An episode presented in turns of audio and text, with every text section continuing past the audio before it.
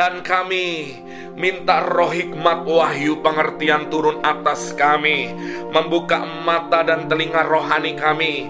Kami mengerti apa yang menjadi pesan Tuhan buat kami, dan selama firman dibagikan, kami boleh dimampukan untuk melakukan firman-Mu, dan kami melihat kesembuhan terjadi, pemulihan terjadi, terobosan terjadi, kemuliaan Tuhan turun atas kami, dan kami melihat hal-hal yang dahsyat dan supranatural terjadi bagi kami.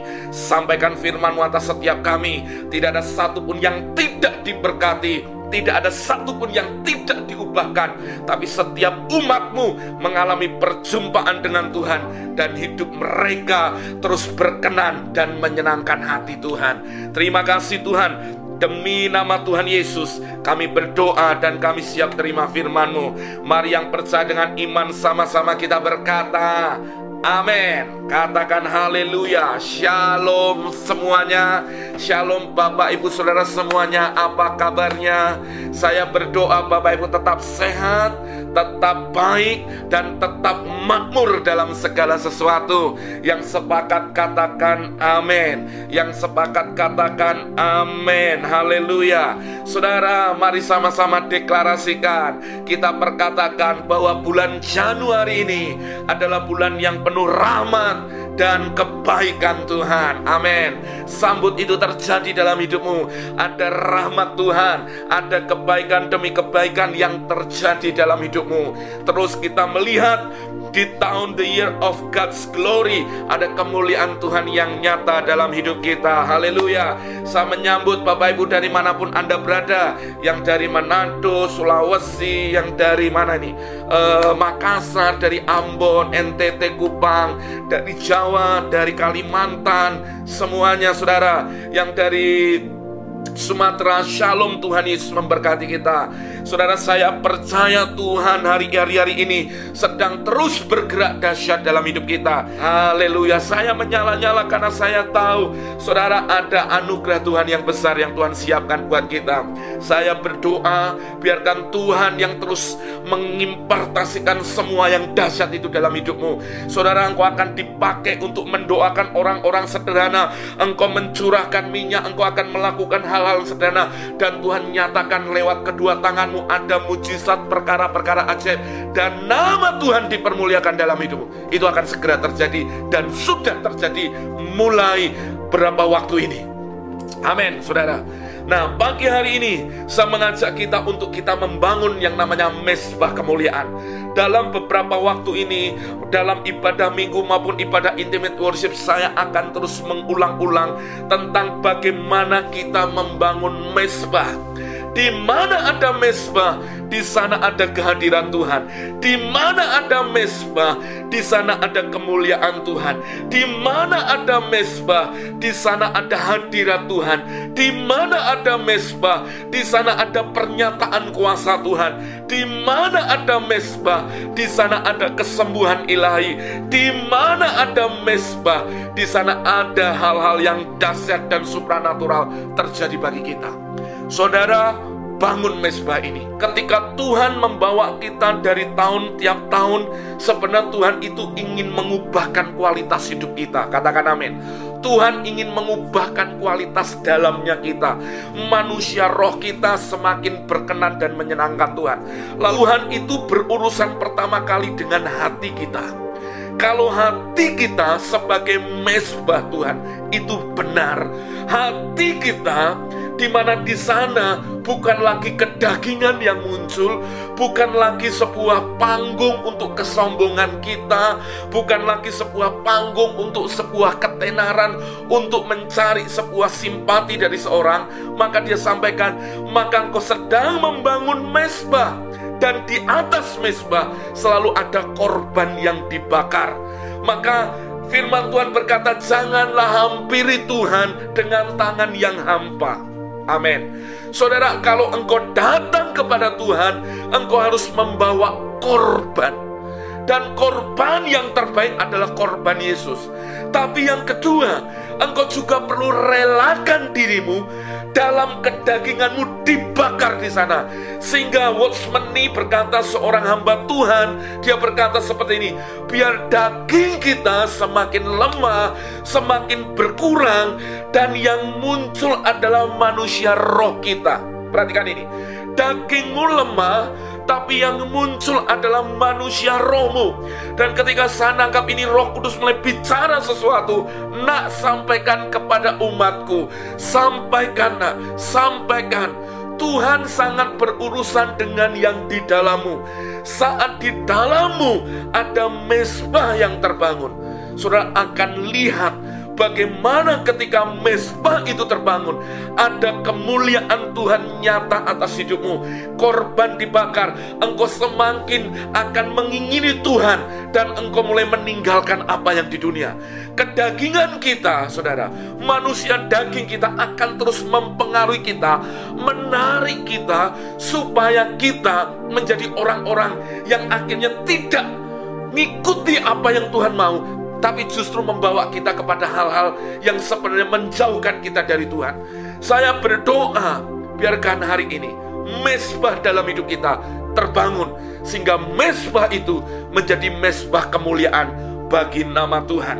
Saya mengajak kita membuka Yesaya pasal yang keempat ayat 4 sampai 6. Yesaya 4 ayat 4 sampai yang ke-6.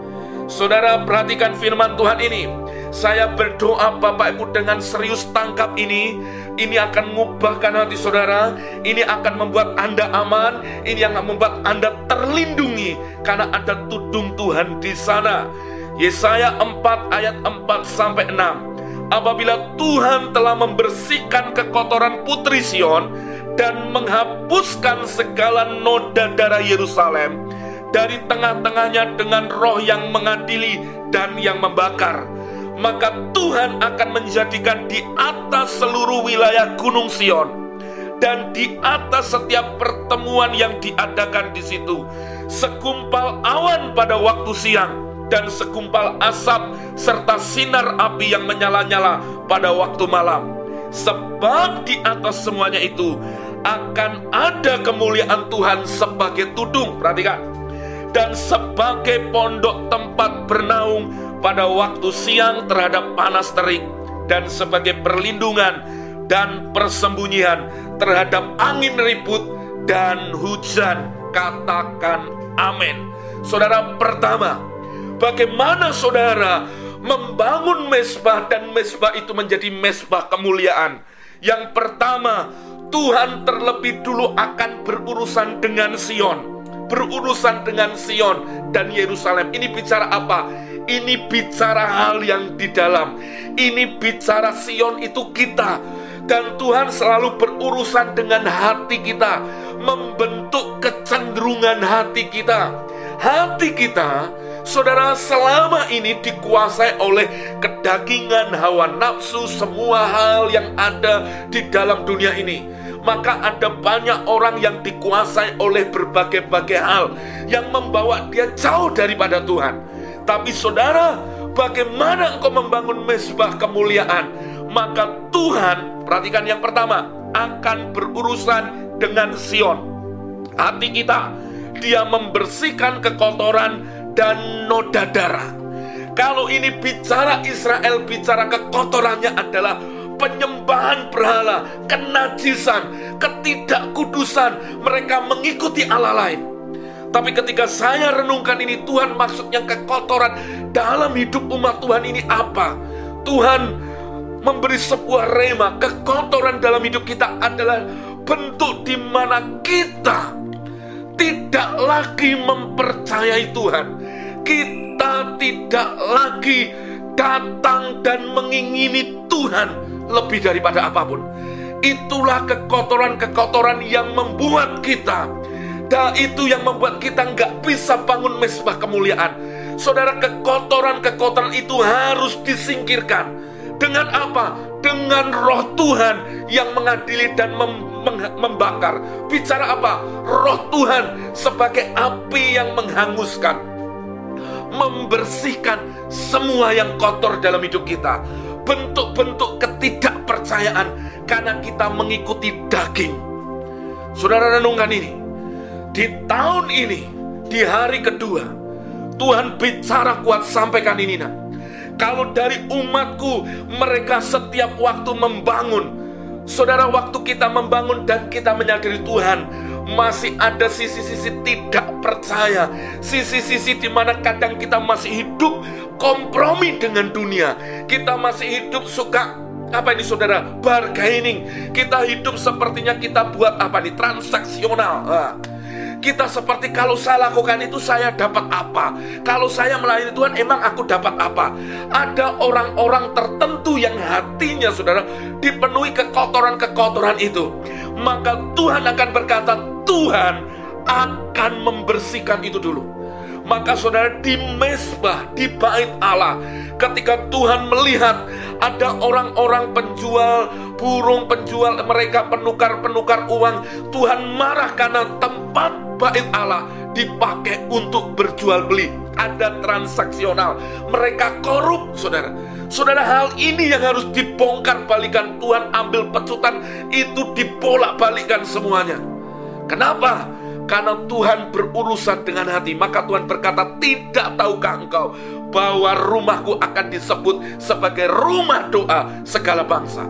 Dan tidak tahukah Bapak Ibu bahwa di dalam hidupmu ada roh Tuhan di sana dan bak engkaulah bait sucinya. Berarti Tuhan mau membuang semua kekotoran bentuk transaksional itu. Semua orang yang suka hitung-hitungan sama Tuhan, melayani Tuhan hitung-hitungan, saya dapat apa? Saya melayani Tuhan. Ini khusus buat sebenarnya lebih, bukan hanya sekedar kita sudah tinggalkan dosa. Ini bicara orang-orang sudah melayani Tuhan Orang yang transaksional, gampang tersinggung. Orang yang gimana saudara? Kalau saya melayani digesek. Seperti besi menajamkan besi. Wah dia langsung tersinggung. Kalau dia masih ada di sana saya tidak mau melayani. Ada orang-orang yang harus dimurnikan dulu. Saudara percayalah. Kekotoran-kekotoran ini harus dibersihkan dulu. Lalu setiap noda, noda ini bicara aib, semua yang memalukan kita, semua yang membuat kita terpuruk, semua cerita yang tidak baik, Tuhan akan bereskan itu dulu dengan rohnya. Sehingga yang muncul dari hidup kita, ketulusan, kemurnian, hal-hal yang baik. Saya bersyukur. Kemarin ada beberapa orang yang saya jujur Anda orang-orang luar biasa. Ada orang-orang yang kemarin setelah ibadah intimate worship pagi Ada orang yang berkata Pak saya ingin memberkati pelayanan Bapak. Pak saya ingin menabur buat Bapak. Saya pun berkata gini Tuhan Ini siapa Tuhan? Aku harus gimana Tuhan Sudah secara manusia saya berkata Tuhan Jangan sampai hatiku ini transaksional Aku jadi orang yang bergantung pada sesuatu yang seperti ini tapi ketika Tuhan sadapkan itu pada Tuhan, Tuhan mulai bicara nak. Aku menggerakkan orang-orang yang engkau tidak tahu untuk memberkati pelayananmu. Untuk menyatakan apa? Bahwa ketika engkau melayani Tuhan dengan ketulusan, engkau melayani Tuhan tanpa sebuah motivasi apa pun, dalam kemurnianmu, Tuhan akan nyatakan kasih sayangnya dalam hidupmu. Saya nangis, saudara. Secara manusia, saya melihat bagaimana orang-orang digerakkan. Bahkan ada orang-orang dari luar pulau yang saya nggak tahu ini siapa. Dia berkata, Pak, saya jangan dilihat nilainya. Dia tidak transaksional. Waktu saya melihat itu saudara, hati saya diterenyuh gitu loh. Saya itu terharunya gini loh. Saya itu tidak ada hubungan. Kita ini hanya jadi keluarga rohani tapi ada orang-orang yang berkata, I'm blessed, aku diberkati. Saya berkata gini, jadilah orang-orang yang punya hati yang terus dimurnikan dalam ketulusan. Tidak mudah buat kami hamba-hamba Tuhan untuk jaga hati ini tetap murni. Maka saudara biarkan setiap noda-noda, setiap hal-hal yang dimurnikan roh cinta akan uang, setiap apa pun yang membawa kita jadi tidak tulus lagi. Kita perlu singkirkan itu dalam hidup kita. Sudah dengarkan ini. Ada banyak orang memulai pelayanannya dengan sederhana dan Tuhan pakai luar biasa. Tapi maaf, ketika berhadapan dengan yang namanya kelimpahan dan berkat keuangan, sering kali ada banyak orang mulai menyimpang dan mulai keluar. Tuhan ingatkan dan berkata, saya tidak mau itu Tuhan. Saya mau tetap jagai hatiku, tetap ada di jalan Tuhan. Saya ingat hamba Tuhan yang sama yang tadi saya ceritakan kepada saudara. Dia sampaikan sesuatu. Setiap kelimpahan, setiap apa pun yang dahsyat yang Tuhan beri dalam hidupmu, setiap sesuatu yang luar biasa yang Tuhan nyatakan dalam hidupmu, selalu Tuhan memberi sebuah tanggung jawab terlebih dahulu. Saudara, saat kita bisa menjadi orang yang dipercaya dengan ketulusan dan kemurnian, mesbahmu akan menjadi mesbah di mana itu akan memancarkan hal yang wangi. Dan di sana bau harum akan muncul. Tuliskan di live comment. Saya mau terus dibersihkan. Saya mau terus dibaharui. Saya mau terus menjadi orang yang memiliki ketulusan, memiliki kemurnian di hadapan Tuhan. Saat engkau membangun itu, engkau perlu kemuliaan. Izinkan Tuhan terus yang hanya membakar dengan api maut sehingga sesuatu kekotoran apa pun itu akan disingkirkan di sana. Hati ini saudara butuh saudara dipulihkan. Terlalu banyak dendam, sakit hati, kejengkelan, apa nih untuk dipuji, kesombongan, hal-hal penuh nafsu daging itu muncul banyak dalam hati kita. Itu yang perlu dengan roh yang mengadili dan membakar memurnikan hati kita. Supaya mesbah itu clear di depan. Jelas fungsinya. Yang berfungsi benar akan berfungsi terus benar kita tidak akan menjadi mesbah Tuhan yang hanya sekedarnya atau bahkan kompromi dengan dosa kita akan menjadi mesbah Tuhan di mana kita menyadari penebusan Kristus sempurna dan dia mau membuat hidup kita semakin berkenan tak bercacat celah sampai kedatangan yang kedua kali. Katakan amin.